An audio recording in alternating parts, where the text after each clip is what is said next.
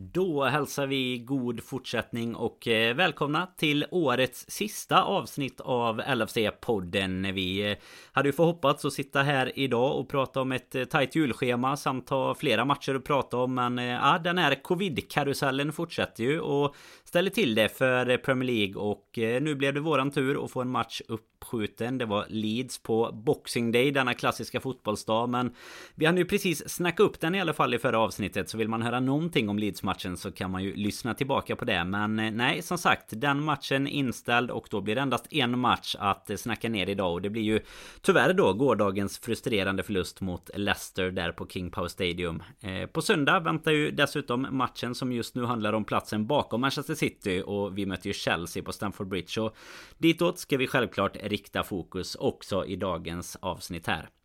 Men i och med då att vi går för ett eh, bokslut här av 2021 så vill vi även passa på att tacka alla er lyssnare som är med oss vecka ut, vecka in, till och med två gånger emellanåt under veckorna. Eh, vi har ju tyvärr inte haft möjligheten att träffas så ofta som vi egentligen vill Men vi hoppas verkligen att det kommer bli bättre möjligheter till det under 2022 Och även om restriktionerna än så länge inte går åt rätt håll så, så får vi väl hoppas att det blir lite bättre i alla fall kanske till eh, våren här och detta avsnittet är det 65 ordinarie för året. Tillsammans med de drygt 15 avsnitt som vi släppt på Patreon Så vill vi även påminna och slå ett litet slag för just denna Patreon-sida Där man ju utöver då de här extra avsnitten även får tävlingar vid stort sett varje match Samt en hel del extra tävlingar kopplat till då bland annat Fantasy Premier League Men även lite andra specialare. Så in på patreon.com LFC-podden för att hänga med oss där helt enkelt. Sen såklart vill vi givetvis även hälsa ett gott nytt år till våra vänner på LFC.se Där du ju hittar den svenska supporterklubben på hemsidan finns ju bland annat idag en dagsfärsk krönika från Robin Bylund som inte är med oss idag utan sitter på lite sydligare breddgrader. Men även supporterklubben satsar ju såklart mot att vi ska kunna göra fler roliga saker här under kommande år. Och eh, hoppas verkligen redan att varandra lyssnare här är medlem så kanske inget vi behöver påminna om men det kan ju finnas någon liten hund eller någonting där hemma som har gömt sig under julgranen som som man missat. Och då är det ju bara att surfa in på sajten och lösa det antingen enskilt eller med i sitt familj familjemedlemskap då där man ju kan få lite rabatterade priser för alla utöver sig själv då. Nu eh, tror ni ju såklart att ni hamnat i en lång eh, mellandagsmonolog här signerad Daniel Forsell men ni får hålla till godo så kommer jag snart eh, välkomna in min vapendragare Fredrik Eidefors här i värmen och vi ska väl göra vårt bästa för att bearbeta alla de här känslorna kring Leicester-matchen och det debacle som skedde där igår men Innan dess så vill jag slutligen bara be alla om en liten poddtjänst här För det är ju så att det numera går att betygsätta poddar på Spotify Och jag vet att det är många av er som lyssnar den vägen Det ser vi ju i våran statistik Och gillar ni då vad vi gör så eh, hoppas vi och blir jäkligt glada om ni vill gå in och ge oss ett betyg där Och gärna då kanske på lika många getingar som gamle lagkaptenen och hederspresidenten Glenn Hussein fick i Expressen en gång i tiden Men eh, ja, var ju landslagsdress på honom så det är okej okay, även om man vill dra bort en geting kanske från det betyget också Men Sök gärna upp podden där och, och sätt ett betyg. Så eh, tycker jag väl att ni ja, kanske ska hälla upp något i glaset om ni får njuta av lite ledighet. Eller så sätter ni er lugnt i bilen och kör. Eller så kanske ni är på jobbet när ni hör detta. Så då eh, får ni se framför er att det snart i alla fall är eh, nyårsafton och kanske lite ledighet igen. Men här kommer i alla fall årets sista avsnitt av LFC-podden.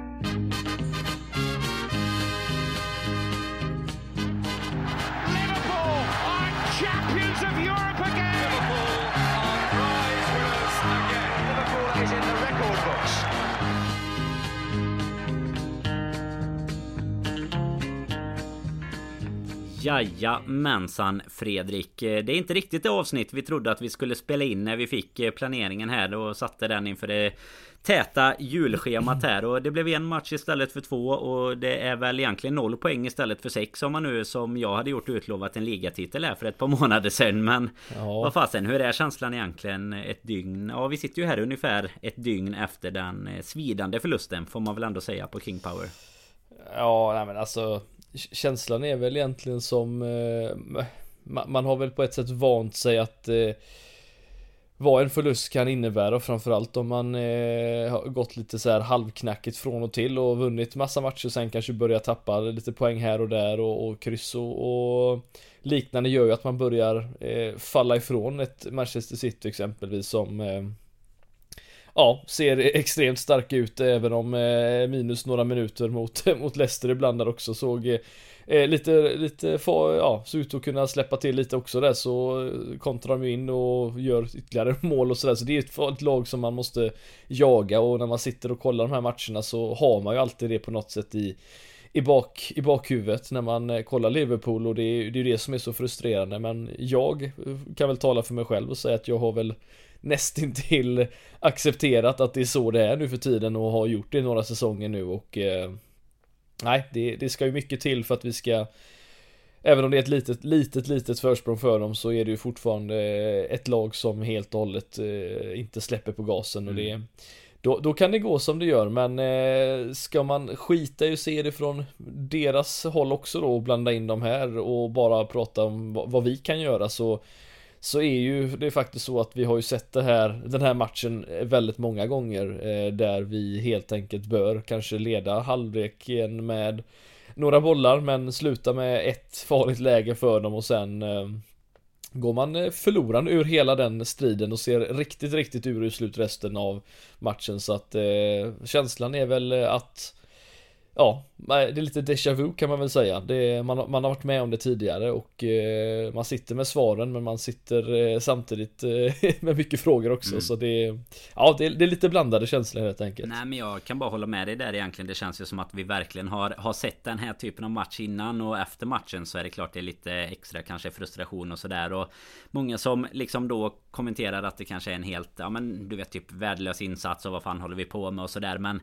mm. alltså vi, till att börja med så är det faktum att vi har inte Vi har alltså inte skapat så här mycket på fyra år eh, Utan att vinna en match då. Så mm. det, det är alltså statistiskt sett så gör vi ju allt vi behöver. Sen ser vi ju kanske lite lojare ut och sådär i många Vid många tillfällen än vad, vad man tycker att vi borde göra. Och kanske framförallt då i andra halvlek och när vi gör lite byten och sådär som, som verkligen inte får fart på laget. Men jag är ju också rätt frågande till att en Kasper Schmeichel kunde släppa in sex bollar på City alltså När, när man ser vad han gör i, i den här matchen. Man undrar ju så här det, det är ju det klassiska. Detta har ju inte vi eh, behövt prata om i så många år. Men, men i och med att vi har hållit på här i snart nio år så har man ju ändå haft sina anledningar att ibland prata om en, eh, ja, men en målvakt som eh, då ju var det ju ofta kommit till Anfield och gör sin bästa match någonsin. Men nu var det på hemmaplan för Schmeichel. Men ja, såg ut nästan som farsan sin där i, i många lägen ju. ja, nej det, det, det är som sagt fascinerande vad vad några dagar ändå kan göra. Han, eh, ja, för några dagar sedan var han ju den lä lägst ratade spelaren på plan mer eller mindre när de spelade mot Manchester City och nu eh, var han den högst ratade mm. av dem alla. Det, det, det, kan vända snabbt i fotboll som sagt men eh, Ja, det, det, finns ju som sagt mycket, mycket att ta på i den här matchen. Det är som du säger en match då vi ja, utan att prata om varenda läge. Än så länge så kan vi bara ta det snabbt att det är ju som du säger en match där vi skapar en hel del lägen men det är ju på något sätt en rätt fascinerande hur ett lag som har sprängt in mål mm. Eh, kan ändå se så Ja men se så, ska vi säga, omogna ut framför mål på något sätt. Eh, det är som att man inte riktigt vet hur man ska avsluta situationer och Nej, jag säger det återigen, jag vinner ju mycket hellre med 2-0 i alla matcher än 4-0 ibland och 1-0 ibland för de här 1-0 ibland kan ju också sluta till att man kanske inte sätter den här straffen och till slut också förlorar den matchen till slut då. Det är Eh, nej, det är ju en balans som, som, som är väldigt fin och som vi säger också så ska du ju se till att man gör det över 38 omgångar för annars står det ett annat ljusblått, eller ja, ett ljusblått lag på andra mm. sidan där och eh, Eh, går hem en liga nästan För det är, det är ju nästan så det ser ut ibland. Nej men så är det ju. Det tänkte jag faktiskt att vi ska, ska komma in på lite sen. Vi mm. Nej men jag tänkte att vi kan ju ta lite tempen på liksom vad för, för det var ju såklart känslan inför matchen ändå att det, det krävdes en trea för att hänga på. Chelsea också Tappat lite det senaste. De vann ju nu i senaste matchen Lyckades vända mot Aston Villa med Ja men med lite tungt för dem ändå. City Alltid straffar för dem hela Ja tiden. men lite så känns det ju. Denna var väl mer solklar än den de fick ja. mot, mot Leeds som vi grämde oss över i alla fall. Den här behövde vi inte... Det, här cash han hade inte... Han hade nog satsat cash just på att det skulle bli straff för Chelsea kändes det som. Men nej, alltså det, det, känns väl som att man egentligen vet det redan från början att City är ett snäpp och en nivå över alla. Det, det pratar vi ofta om innan säsongen. Men sen med allt som artar sig, jag menar vi har redan hunnit eh, gå igenom både att Chelsea såg överlägsna ut och sen att vi såg överlägsna ut ett eh, tag också då. Men alltså tittar vi på tabelläget nu efter den här förlusten så är det ju så att det är 6 poäng upp då till City och, och de har ju faktiskt till och med två matcher nu innan. De spelar ju här om en stund. Vi har inte börjat när vi sitter där och spelar in men även Chelsea skulle spela så det är så att City skulle faktiskt kunna ha 12 poäng försprång på oss eh, och på Chelsea i och för sig då om inte nu Chelsea skulle slå Brighton ikväll men eh, kanske 9 på dem och 12 på oss om nu de gör sitt mot Brentford och mot Arsenal på lördag så ja, det ser sannerligen tufft ut som du säger och som sagt vi får väl ge det som en liten sån här eh, återkomst att vi, vi kommer komma tillbaka till det efter Leicester-matchen kanske lite när vi pratar inför Chelsea här gällande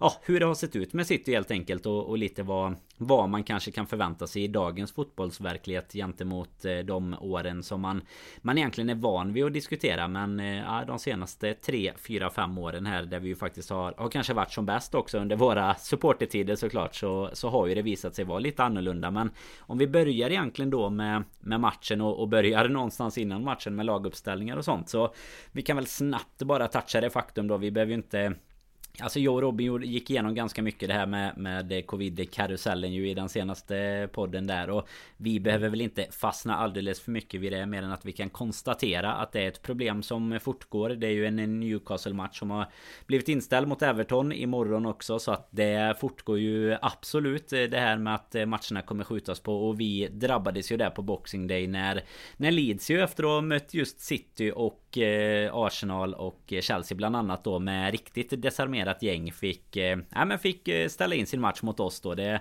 kan jag bara säga att oraklet och spåkulan hade, hade läst där Fredrik. Jag twittrade om det just ja. när de hade förlorat mot Arsenal. Att det här kommer aldrig bli match. Och sen satt jag och Robin och podda och då trodde man ju att det, det blir väl match. Men lagom till avsnittet kom ut i etern så eh, sköts även matchen upp där dagen innan julafton. Så då blev det ju istället då Leicester som eh, vi ju pratade ner i just den eh, podden också då efter ligacupmatchen. Där det, där det blev lite muntrare miner efteråt. Även om första halvleken inte såg så rolig ut där. Så var ju faktiskt både van Dijk och Fabinho tillbaka i matchen här. En eh, Simika som fick gå in istället för Robertson då som är avstängd efter eh, röda kortet där mot Spurs och i övrigt då ett ganska Nej men numera då ordinarie lag får man väl säga Det är ju en Oxlade gentemot en Keita möjligtvis Men eh, Jota går ju före Firmino i startelvan också och Känslan sådär på förhand Tyckte du att det fanns någonting som, som talar emot oss om man säger så?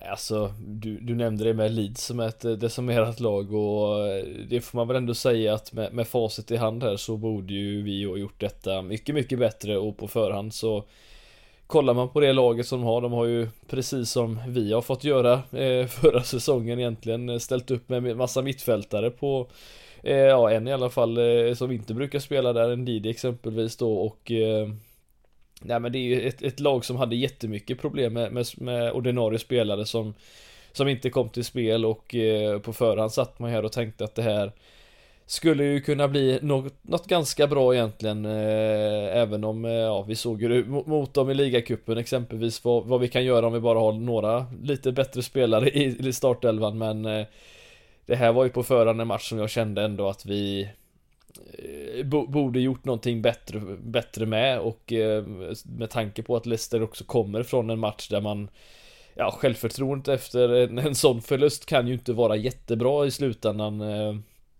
det här, ja, jag hade inte mått jättebra som spelare om man åkt till City och förlorat på det sättet heller utan det är men de vill ju ha sin revansch och på så sätt vet man ju att det är på hemmaplan med spelare som vill eh, visa någonting så spelar det nästan inte någon roll vilka spelare som står på andra sidan. Det har ju vi visat mot Barcelona en gång att eh, man behöver inte vara de bästa spelarna utan när man har något att spela för och verkligen eh, vill visa något då, då kan saker och ting hända och i det här fallet så var det väl egentligen inte så att man kände att Leicester kanske skulle ställa till med något utan det var väl snarare att vi skulle ställa till för oss själva nästan och det det har vi tyvärr gjort för många gånger Danne den här säsongen känner jag och mm. eh, Det var väl nästan det som jag kände inför matchen att Om vi inte vinner den här matchen då är det nog inte för att vi blir totalt utspelade utan då är det för att vi helt enkelt inte är på tårna eh, under någon matchminut 57 typ och så Ja, är det svårt att hämta hem en sån, eh, hämta upp en match sen därefter. Det är väl det här gamla talesättet om att motivation slår klass eh, kan man väl verkligen sätta in på, på den här ja, matchen. För absolut. Alltså du, du nämner ju det där också. Alltså vi, den Brighton-matchen är ju kanske det första man eh, tänker på när man tänker på just eh, lägen där vi, där vi borde kunna avgjort innan halvlek och, och ändå ställer till det för oss. Sen finns det ju eh, ytterligare matcher där vi kanske ändå har löst pucken till slut. Alltså vi har ju Milan där vi, där vi tappar några bollar men sen ändå går in och vänder. Och sen flera matcher faktiskt där vi kanske leder med 1-0 i halvlek och sen rider ut stormen eller gör ytterligare något mål senare. Men när man tycker att vi borde ha kunnat liksom klappat ihop allt och, och slått in paketet och färdigt och klart till 45 minuten. Men det, det mest anmärkningsvärda är ändå det som, som du säger där. Du var inne lite och touchade på deras eh, nykomponerade backlinje då. Det är ju Ndidi, Amartey som mittbackar. Du har Castagne och Thomas på varsin kant då. Och jag menar, mm. alltså vi, vi snackar ändå om ett lag, detta är alltså tredje nollan på hela säsongen som de håller. Och då är det mot oss som är ja, men vana vid att kanske ligga på... Som, som alltid gör ja, mål precis, borta på bortaplan dessutom. Ja, och snittet då på, på liksom typ tre bollar som vi fortfarande har, eh, har hållit ganska, oss ganska nära i alla fall. Så, så är ju det det mest anmärkningsvärda egentligen att... För då pratar vi ändå om att de höll första nollan också tidigt. Jag tror till och med det var antingen första eller andra matchen i alla fall mot eh, Wolverhampton. Och sen kom andra nu mot Newcastle då hemma för... Ja, men ett par veckor sedan och det behöver man ju inte heller kanske vara. Det, det är liksom ingen jätteskalp så sätt att hålla nollan just mot Newcastle av alla lag. Men eh, nej, att sen eh, då stoppa med liksom den typen av backlinje stoppa Mané, Jota, Salah. Sen tycker jag väl i och för sig då att chanserna fanns ju. Eh, det, det argumenteras det också vilt om efter matchen. Men jag menar vi har straffen, vi har Manés friläge som, som han missar hela målet och sen har vi ju faktiskt ett par chanser till som eh, ja, men borde mm. avslutats bättre. Det är någon, det är ju någon jätteräddning som Salah får en gratis chans som Schmeichel gör någon liksom reflexräddning på som också är helt eh, galen egentligen. Och det, det känns ju absolut som att eh, som att vi skapar tillräckligt så sett. Men, eh, nej, men just att då att det är den här gången de lyckas hålla nollan och att det är den här gången vi inte gör mål. Det är ju faktiskt första matchen vi inte gör det eh, heller i ligan som, som du nämner där. Eller du nämnde bortaplan men det är ju i ligan överhuvudtaget. För jag, mm. jag läste just den statistiken här efter matchen igår att vi, vi nu inte kan då ta ett rekord som Arsenal har från 01-02 säsongen tror jag det var om jag minns rätt. Eller om det var året innan som de då gjorde mål i varenda match som, eh, ja, men som han som skrev om det jag tyckte var häftigare än det här med att man Att man går som invincibles egentligen utan att man då gör mål i varje match. Men nej, det blev det inte Fredrik den här gången och jag vet egentligen inte hur eh, om vi ska behöva gå in på varje läge och eh, förklara det så sett. För jag menar vi börjar ju matchen rätt så bra. När vi får eh, en straff där efter typ en kvart då tycker jag väl ändå att man kände lite att man kunde andas ut i soffan och kände att okej, okay, Sala kliver fram. Jag vet att du har varit inne lite på det med straffarna och sånt där innan Men jag menar det hade gått fyra år sedan han missade en straff eh, mot eh, Huddersfield där Eller vad det var 2017 Och till slut Den träge vinner som man brukar säga Fredrik Så ja. Nej så fick du rätt. Och det är ju ingen bra straff. Det, Nej det, det kan jag Den här gången är jag benägen att hålla med dig om jag säger så. Ja. Nej men alltså det är det är klart att det är jätteimponerande om vi, om vi börjar med straffen eh, i, i sig att att ha satt så många straffar i rad, man kan inte säga någonting om det Även de bästa kommer missa förr eller senare. Så Det är, är väl bara synd att han, att han missar på det sättet och att han framförallt inte med sitt eh, rufsiga hår kanske kan få till en bättre nick på den, eh, den returen där i slutändan. Gör mig nästan ändå mer besviken. alltså det, så, ja, det kändes bara ja. som att det var... Det är som att han, det är som att han hänger i luften ja. men aldrig riktigt, eh, ja jag vet inte, det var en jättekonstig situation men Och det är ju samma sak där, alltså det, det, med lite tur så kanske den bollen studsar lite lägre och då nickar han ju in den eller alternativt att bollen går ribba in. Det är ju bara så det är.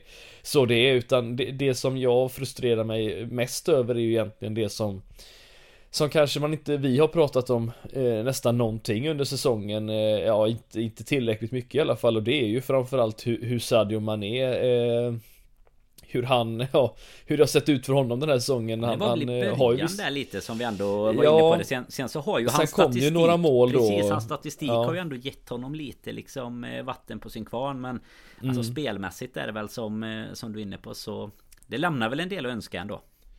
Ja, nej men alltså det är väl framförallt att det, det är sättet som han har eh, tappat väldigt mycket av det som han Ja men om vi går tillbaka då till 18-19 säsongen som ett exempel då när man eh, När han var en sån spelare som eh, mer eller mindre skulle kunna Ballon d'Or hyllas liksom högt upp där och verkligen Nej men alltså han var ju så extremt explosiv. Han, han, han tog sig förbi sin man han Framförallt var jag aldrig rädd att utmana spelarna och till slut då kanske få en fällning och vinna en straff likt 18-19 mot Leicester även om det den går att diskutera den straffen återigen men eh, och, och, det har han ju tappat väldigt mycket och vad är det nu då? Nio matcher han inte har gjort ett mål på och eh, Tycker ju faktiskt att det är ganska Eh, ganska passande egentligen, eller det var väl egentligen inte ens tillbaka så långt den, den matchen var det, var väl faktiskt guldsäsongen nu när jag tänker efter men Det är också ett exempel på där det målet han gör där är ju egentligen identiskt med situationen han får igår när han kommer fritt liksom mm. från vänstersidan och Egentligen bara placerar in den bakom Schmeichel och, och nu får han inte ens på mål och det är det är så mycket mer att önska i den situationen och eh, återigen så ska vi inte blanda in och säga att bara prata om Manchester City det här men det är ju så här att det här med att vara livsfarlig framför mål och verkligen sätta de chanserna man får. Det är ju där det har skon har klämt lite för oss den här säsongen och eh, Nej, det finns ju mycket, mycket mer att önska och straffen i, i sig som, som vi nämnde den, den, den går att missa, det, så är det bara. Men de här lägena ska då, ah, det ska ju sitta, det är ju bara så och det är eh, helt andra förutsättningar man kanske sätter den eh, i slutändan och ja, nej, då, då blir det en helt annan match plötsligt. Det är väl lite signifikativt kanske just för Sadio Mané just nu att eh, jag, ty jag tycker ändå någonstans att han gör det liksom bra att han skapar sig det läget. Visst, han får en jättefin ja, ja, passning, men jag menar han Han flyttar bollen helt rätt. Han får egentligen fram den helt rätt för sin högerfot och gör ett avslut och och sen bränner man mål liksom. Och jag menar sitter den bara lite lägre, den går in så där, då är det ett jättefint mål. Men eh, istället så känns det som om en hela hans säsong egentligen att vissa saker funkar. Statistiken kanske säger att det fungerar någorlunda men, eh, men det vill sig inte riktigt hela vägen fram och Det är ju precis som du är inne på Det har ju Det har vi väl diskuterat en del just det här att eh, Jag menar han Det var ju, det var ju väldigt länge som man pratade om så här Han eller Salah Alltså vem är viktigast? Jag har ofta mm. suttit i I manébåten liksom gällande de diskussionerna För man har tyckt att det har funnits andra kanske kvaliteter Men Men det har ju liksom under Framförallt den här säsongen men även under förra säsongen också eh, Ebbat ut i att liksom Salah har bara tagit ytterligare kliv medan Mané har kanske stagnerat lite och Ja, vi får väl se hur mycket vi har, eh, har kvar att, att hämta ut därifrån egentligen. Nu kommer ju som sagt båda också försvinna här efter eh, Chelsea-matchen då som som väntar här till helgen på Afrikanska mästerskapen. Och Vi kan väl egentligen bara ta med oss ytterligare från matchen att nu har vi faktiskt två raka förluster på, på King Power. Jag vet inte om det är någon eh, annanstans faktiskt som vi har två raka förluster annars eh, nästan så här. Inte som jag kommer på på rak arm i alla fall nej. På någon arena. Men nej det är ju det är ju tungt bara det. ett, Etihad i så fall. Men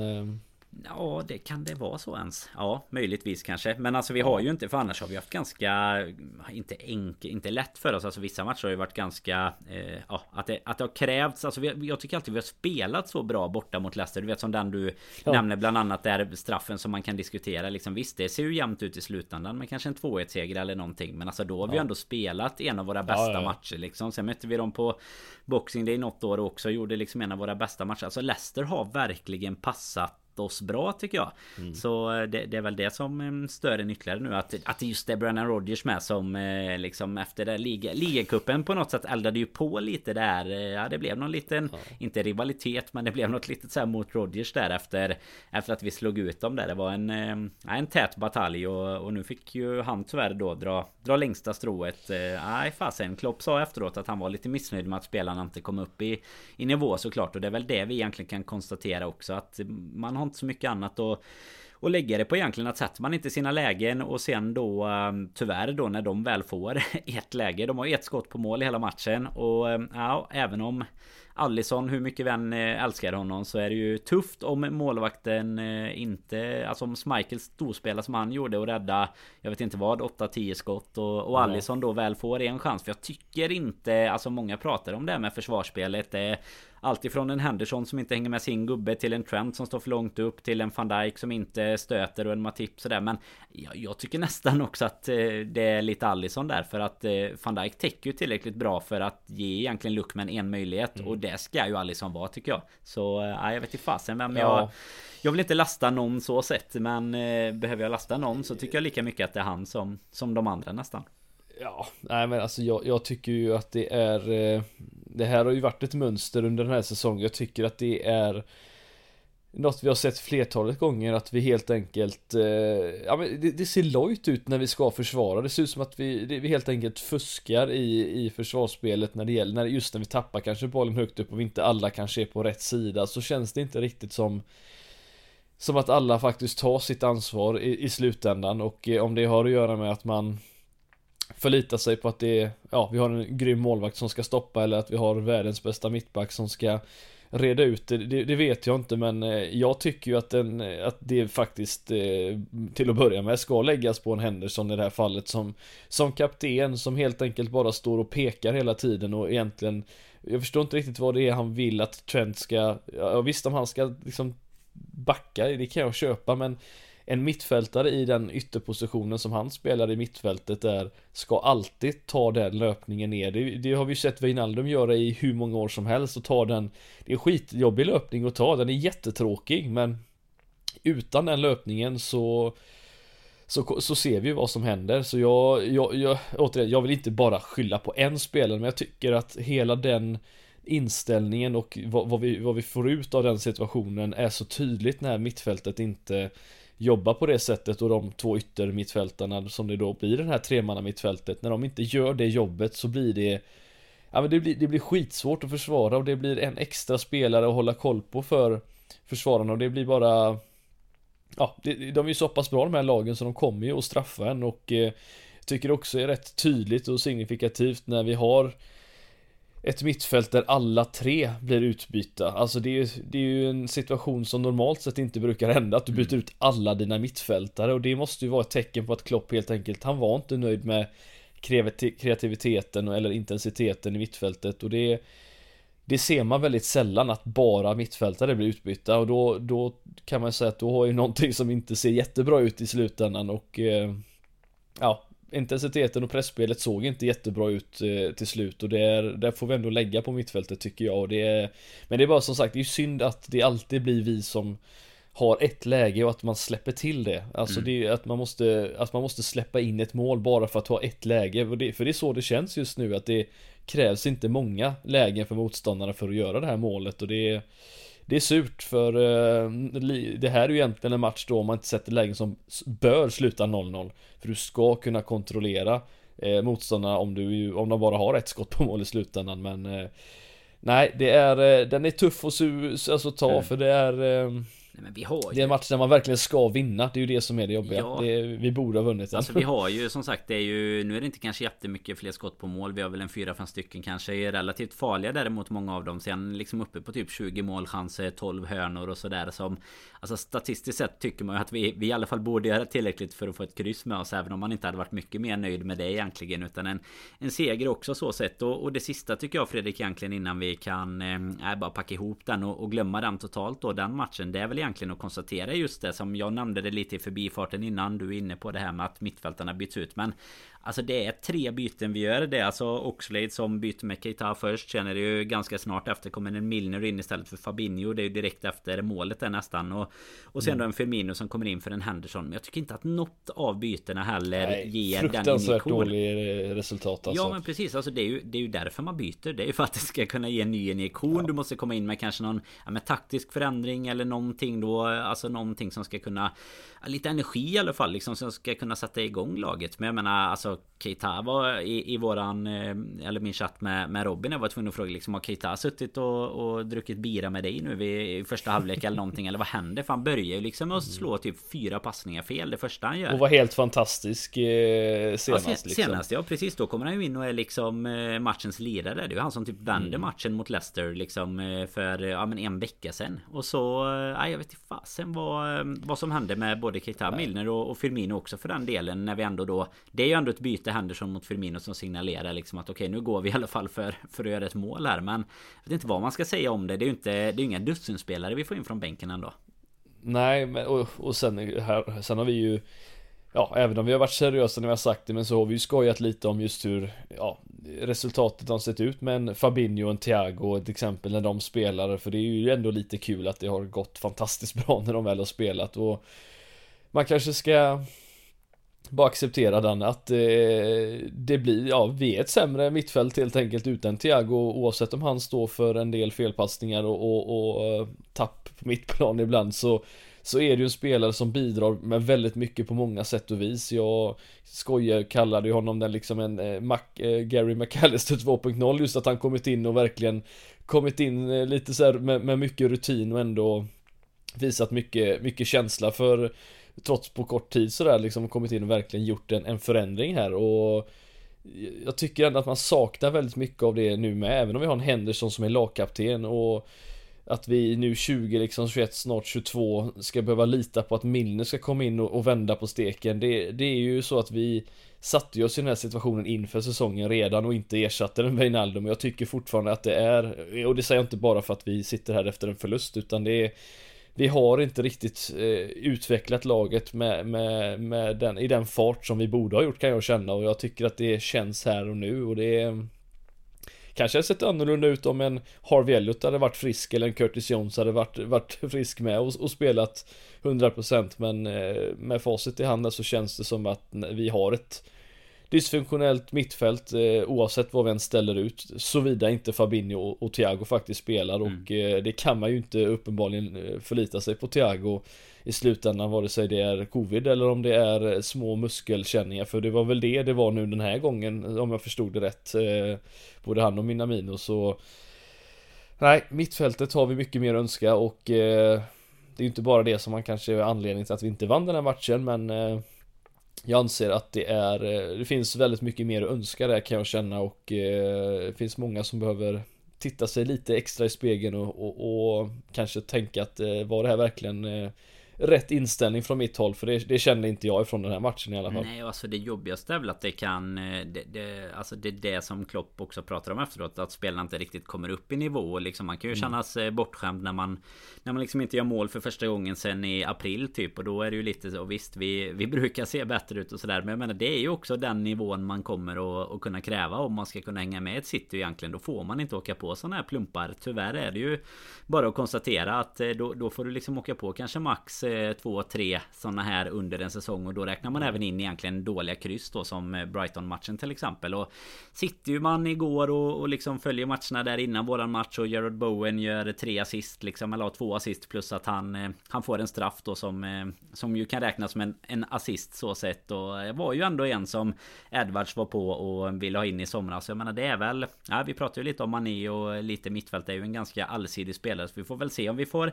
kanske med dubbel prislapp punga upp eh, här i, i januari istället eller någonting. Det har ju inte varit så mycket transferrykten överlag egentligen. Men det, det, kommer väl vad det lider här eh, till eh, till januari. Det brukar ju vara så. Det är inte riktigt lika hård silly season om man säger så. I alla fall inte om man befinner sig i de, de positionerna som vi ju ändå gör så sett. Men Nej, vi kan väl eh, slå in den eh, klappen Fredrik och, och, kasta den långt bort och aldrig behöva se den igen egentligen. Och, och rikta lite mer fokus nu då mot eh, matchen på, på söndag. Det är ju Ja som sagt jag nämnde det i introt Det är ju toppmöte Men just nu känns det ju snarare som att det handlar om vilka som ska ta pole position för en andra plats bakom City som egentligen har satt eh, den här nya standarden som jag pratade om att vi, vi skulle nämna lite kort och mm. Det var ju så Det finns ju lite statistik på detta vad, vad egentligen som Som gäller kring City då om man nu skulle ta bort eh, oss För jag menar det är ju ändå Vi har ju varit till och med uppe och vunnit och vi Vi räknar eh, ja, några säsonger då som har varit väldigt jämna och sådär men det är ju mycket prat om att eh, liksom vissa andra ligor är, är tråkiga. Det är enmansrace, det är PSG, ett eh, Ligue Ö och det är eh, Bayern München liksom i Bundesliga. Tack, tack. Franskan sitter.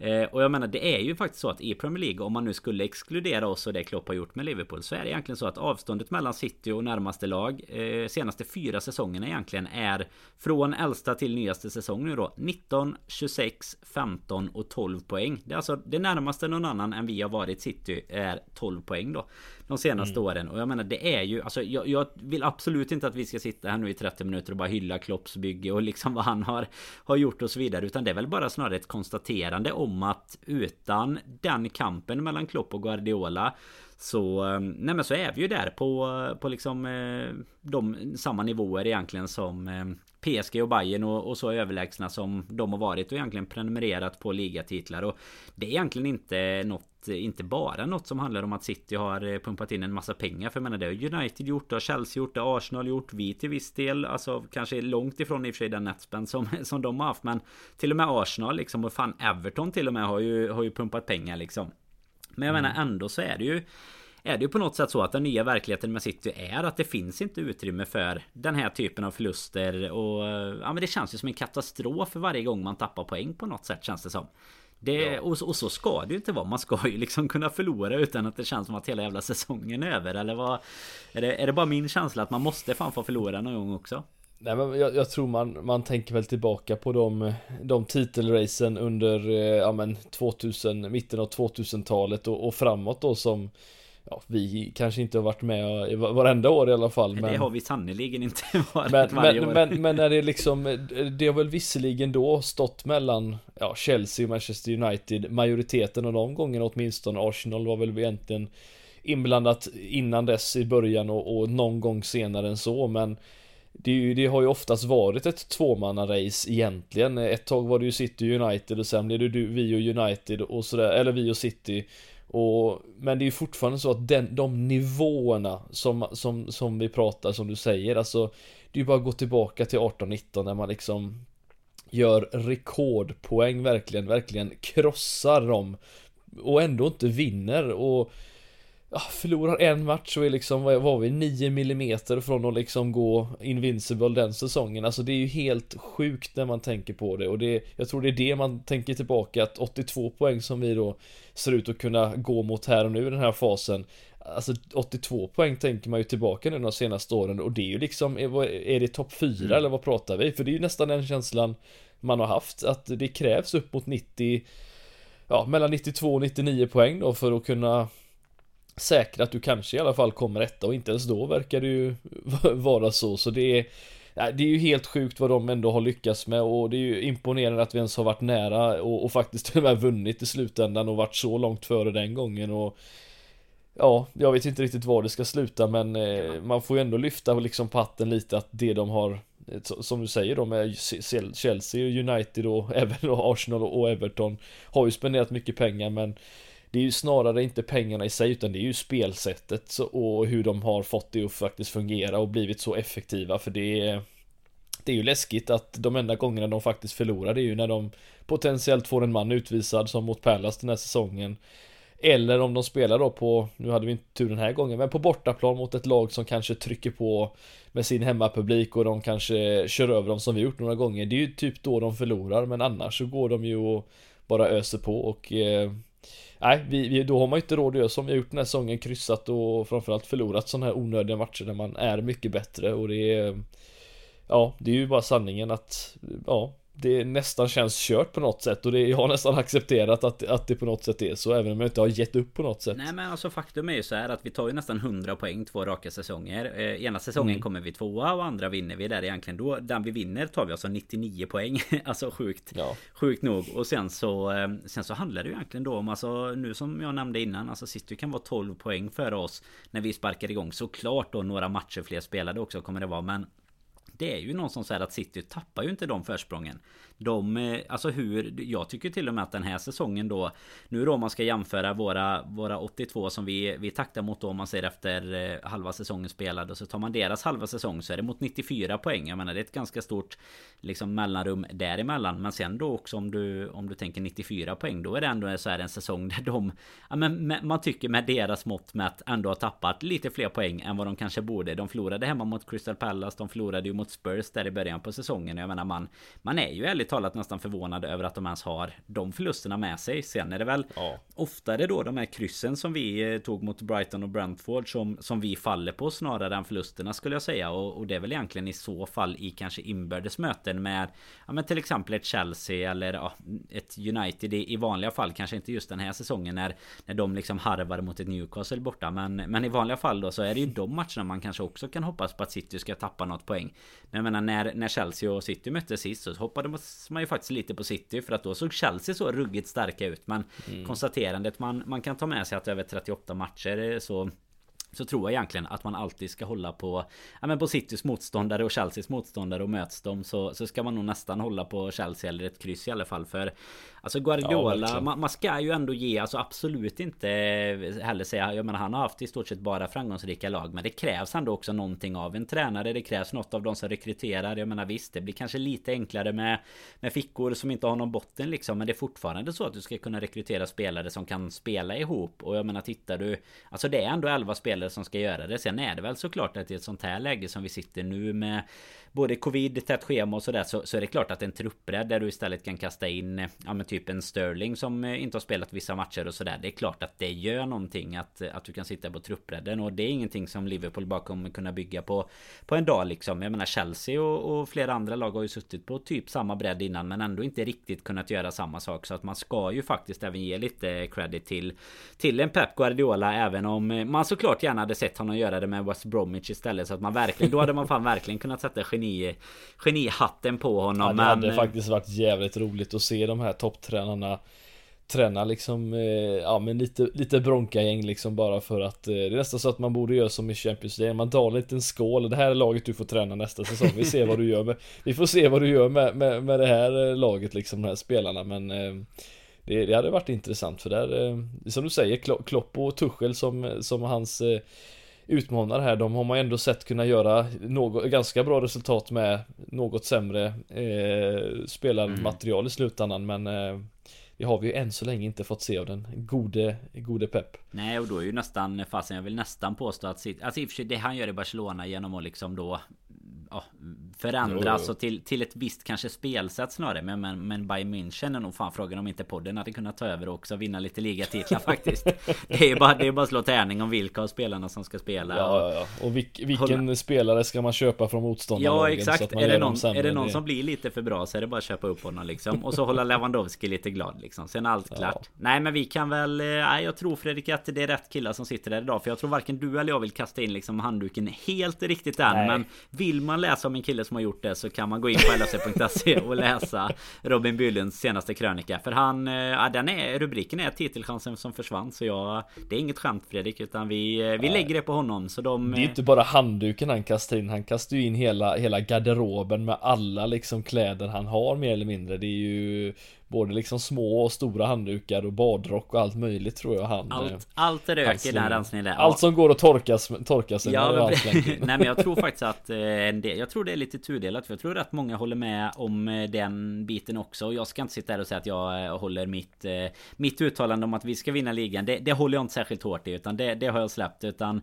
Jag tror fortfarande att City kommer att, att traska hem det och är relativt säkert med. Men, men man vill ändå inte ge upp det riktigt riktigt än. Men som sagt, eh, en match som vi ska snacka upp också. Eh, där vi har, eh, ja men den kanske spiken i den berömda kistan då. För att det blir ju en måste-match på något sätt för både oss och för Chelsea nu i, i söndagens heta tredje och andra placeringsmatch får man ju säga just nu då. För det är ju så att både vi och de sitter ju där i, i samma sits egentligen och behöver hänga på City. Nu leder faktiskt mm. Chelsea i skrivande stund. Det är Lukaku som har vaknat ifrån de döda. Han avgjorde sist och nu har han, eh, har han gjort mål här också på Brighton. Så vi kan väl... Jag ska inte säga att det är klart för det liksom. Men vi kan väl räkna med att de ligger tre poäng eh, före oss i alla fall. Sen kommer City spela ikväll och de kommer mosa Brentford. Så de kommer ligga nio poäng före. Eh, och jag menar då, då åker vi ju ändå faktiskt till London med faktiskt Arsenal av alla jävla lag också. Bara sex poäng bakom då på en fjärde plats Men det har väl ändå på något sätt känts som att det har utkristalliserat sig en, en topp tre. Även om Arsenal har, har kommit igång i bra form och sådär. Men ah, vad, vad är känslorna inför, eh, inför den matchen tycker du så här spontant? Eh, för din del? Ja, Chelsea-matchen menar Ja, Chelsea. Ja. Eh, nej men det är som du säger, det, det är ju en måste-match. Alltså, det, det, är ju tyvärr så att eh, det vi har gjort här nu de två senaste eh, matcherna i ligan, det vill säga kryssa mot Tottenham och eh, förlora då mot, mot Leicester. Det, det, det är ju det Kjell, eh, ja, City och Chelsea brukar ju inte gå flera matcher i rad och de kanske tappar poäng utan de kanske vinner eh, två och sen kanske de kryssar någon igen utan det det är ju där problemet har ligget att det, det så snabbt blir stora avstånd och eh, Alltså vinner vi inte den här matchen så det, det, är ett för stort, stort hopp upp till City. Det, det, är ju tyvärr så. De kommer inte att tappa det. Alltså de, det finns ju tyvärr risk att de, de går liksom eh, De skulle lika gärna kunna gå rent andra halvan av säsongen. För det är den kvaliteten och nivån vi pratar just nu. De har börjat nu också liksom. De manglar ju allt nu. Det är väl nio raka eller tio raka eller någonting. Ja, jo, men eh, alltså, de, så fort du börjar vinna sådana. Och det är ju bara att kolla på Arsenal som du nämnde. Alltså de, eh, att, att de ens är i närheten av oss med tanke på den starten de hade är ju ett jävla mirakel egentligen. Mm. Eh, och med den målskillnaden ska de inte heller kunna vara nära oss. Det, det, är ju, det är ju så det är men den här matchen mot Chelsea kommer ju vara som du säger en måste-match för vinner vi inte den då, då, då vill ju jag nästan, då skriver jag ju av ligatiteln för att City kommer inte flera matcher av att tappa så många poäng, det gör de inte. Mm. Eh, och går vi dessutom då till det vill säga att det kanske hamnar en situation med Corona som jag sagt att det kanske till och med inte är några fans på läktaren liknande. Ja men då kommer vi ju tappa ännu mer och Chelsea kommer nog tappa ännu mer men det kommer inte City att göra så den här matchen mot Chelsea kommer vara en, eh, ett statement eh, från oss på, ja, antingen positivt eller negativt för eh, jag anser som, som du säger som sagt att vinner vi den då, då är vi Då kan vi vara på men vinner vi inte den då, då, då är det andra eller tredje plats som får bli resten av säsongen. Och det hatar jag att sitta här och säga men det är ju Det är ju, ja Sanningen i slutändan. Ja, nej men jag, jag kan bara instämma att jag tror inte heller att City kommer göra någon eh Alltså det kommer inte bli någon genomklappning för deras del om man säger så. Absolut inte att de, eh, att de tappar en, ja men en typ, om de nu skulle gå upp i en 6, 9 eller till och med 12 poängs ledning sen.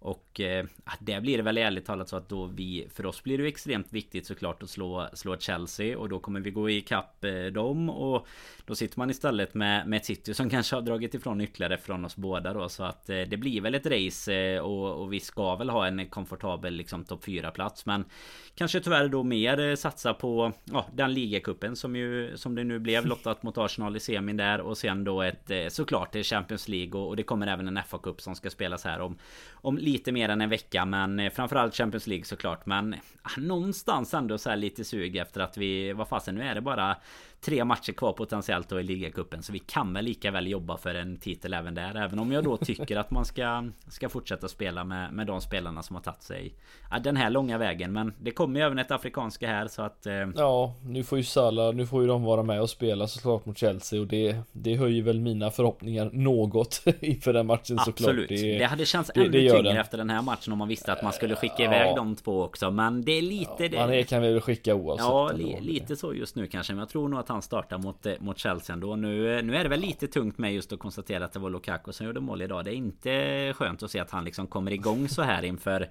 Det, det känns lite typiskt på något sätt också att han kommer igång här nu med med, med då eh, två raka mål här nu innan Innan matchen mot oss Men jag menar i övrigt så Fredrik Har du något kring eh, laguppställning och sådär? Är det några förändringar du vill se från det du såg mot eh, Leicester? Inte nu Spelmässigt behöver du inte förklara Om du vill se någonting Kanske att vi kan göra ja, mål Det är väl att man sätter sitt chans och att Salah gör mål på straff ja, men lite väl så. om jag kan önska Nej men jag hoppas ju framförallt nu Robertson kommer han ju oavsett inte spela som det är Nej den blev lite seg också med tanke på Leeds där får man ju säga Men ja. sånt, sånt är väl livet ibland tyvärr då Ja, nej men eh, Thiago hoppas ju såklart är tillbaka eh, Så att vi får se honom tillsammans med Fabinho för jag tycker att det gör en stor skillnad. Sen eh, Ja, Jota har ju, är ju on fire eh, oavsett om han inte var det nu senast och eh, Salah likaså så att de två måste ju spela. Sen är ju frågan om vi Om en Mané kanske blir tvungen att spela, eller måste tvungen ska jag säga, om han är, är kvar på planen eller om vi får se en Firmino, det, det vet vi ju inte riktigt än kanske, men jag gissar väl att det blir samma typ av laguppställning eftersom det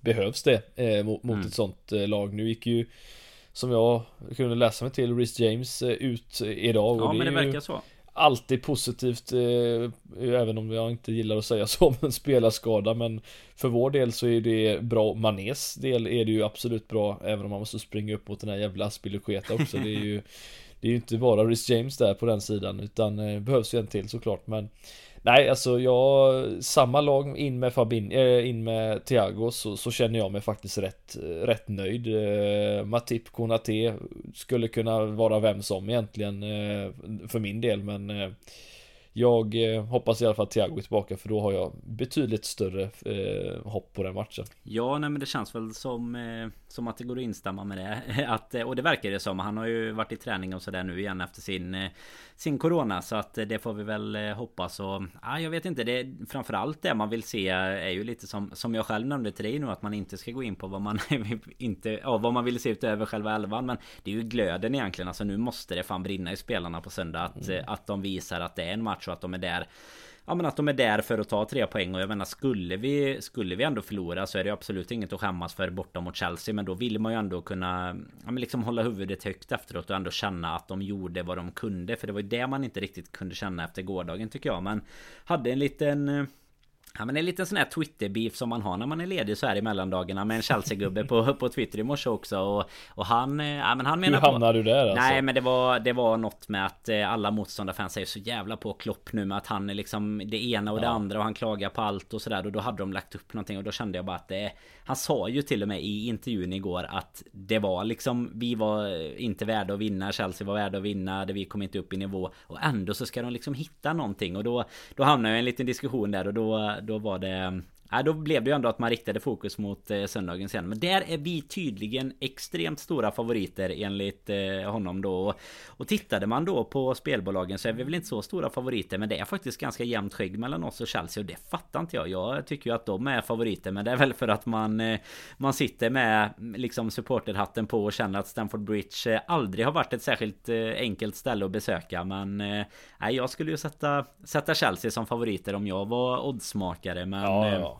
Vi får väl se om det är jag eller de som har rätt eh, efter söndagen. Men vi, eh, ja, vi ska inte sätta några odds Fredrik Men vi ska i alla fall sätta ett eh, resultat Det är ju tanken. Det var ingen som vann tipstävlingen mot Leicester. Det var väl en jäkla tur det att ingen var, var så negativt lagd. Det brukar ju annars vara någon som sådär lägger till en Ja men kanske 1-0 till Liverpool och inte riktigt tänker sig för det och, och tänker att det var 1-0 liksom Man bara tippar 1-0 men att det då var Skulle ha blivit 1-0 till Leicester. Men det var inte ens så negativ var någon Utan folk Nej. trodde på 5-1 och lite sådana grejer.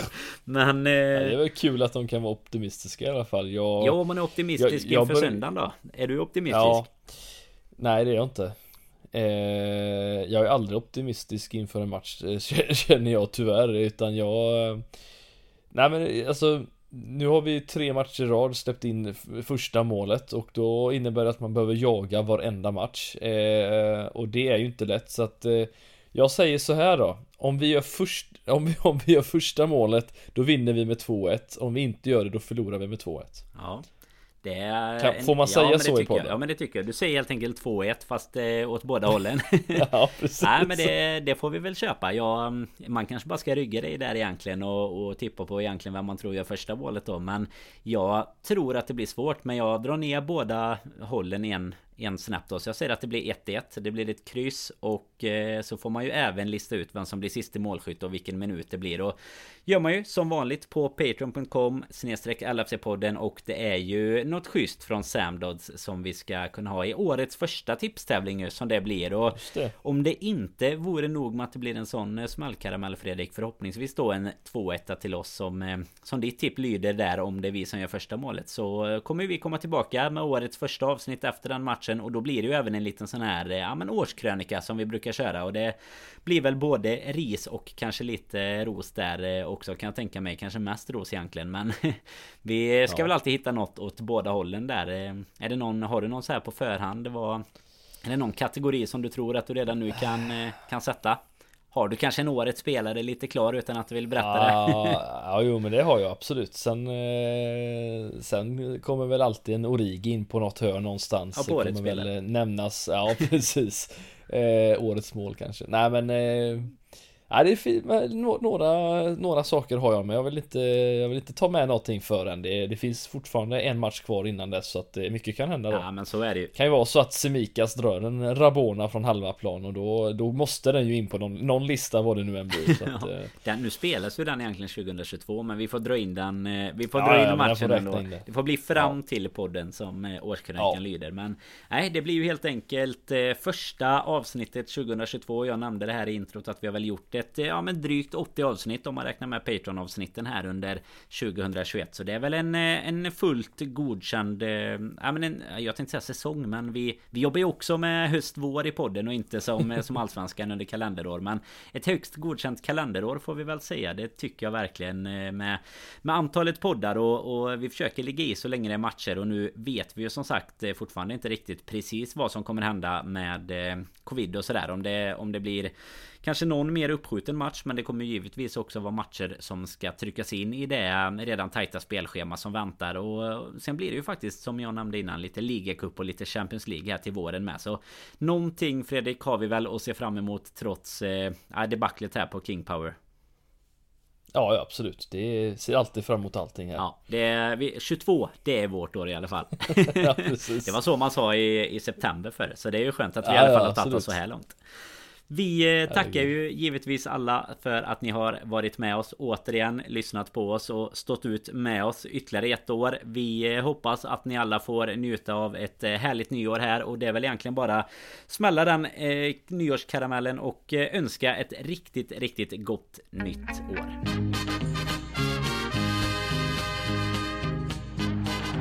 Liverpool are champions of Europe!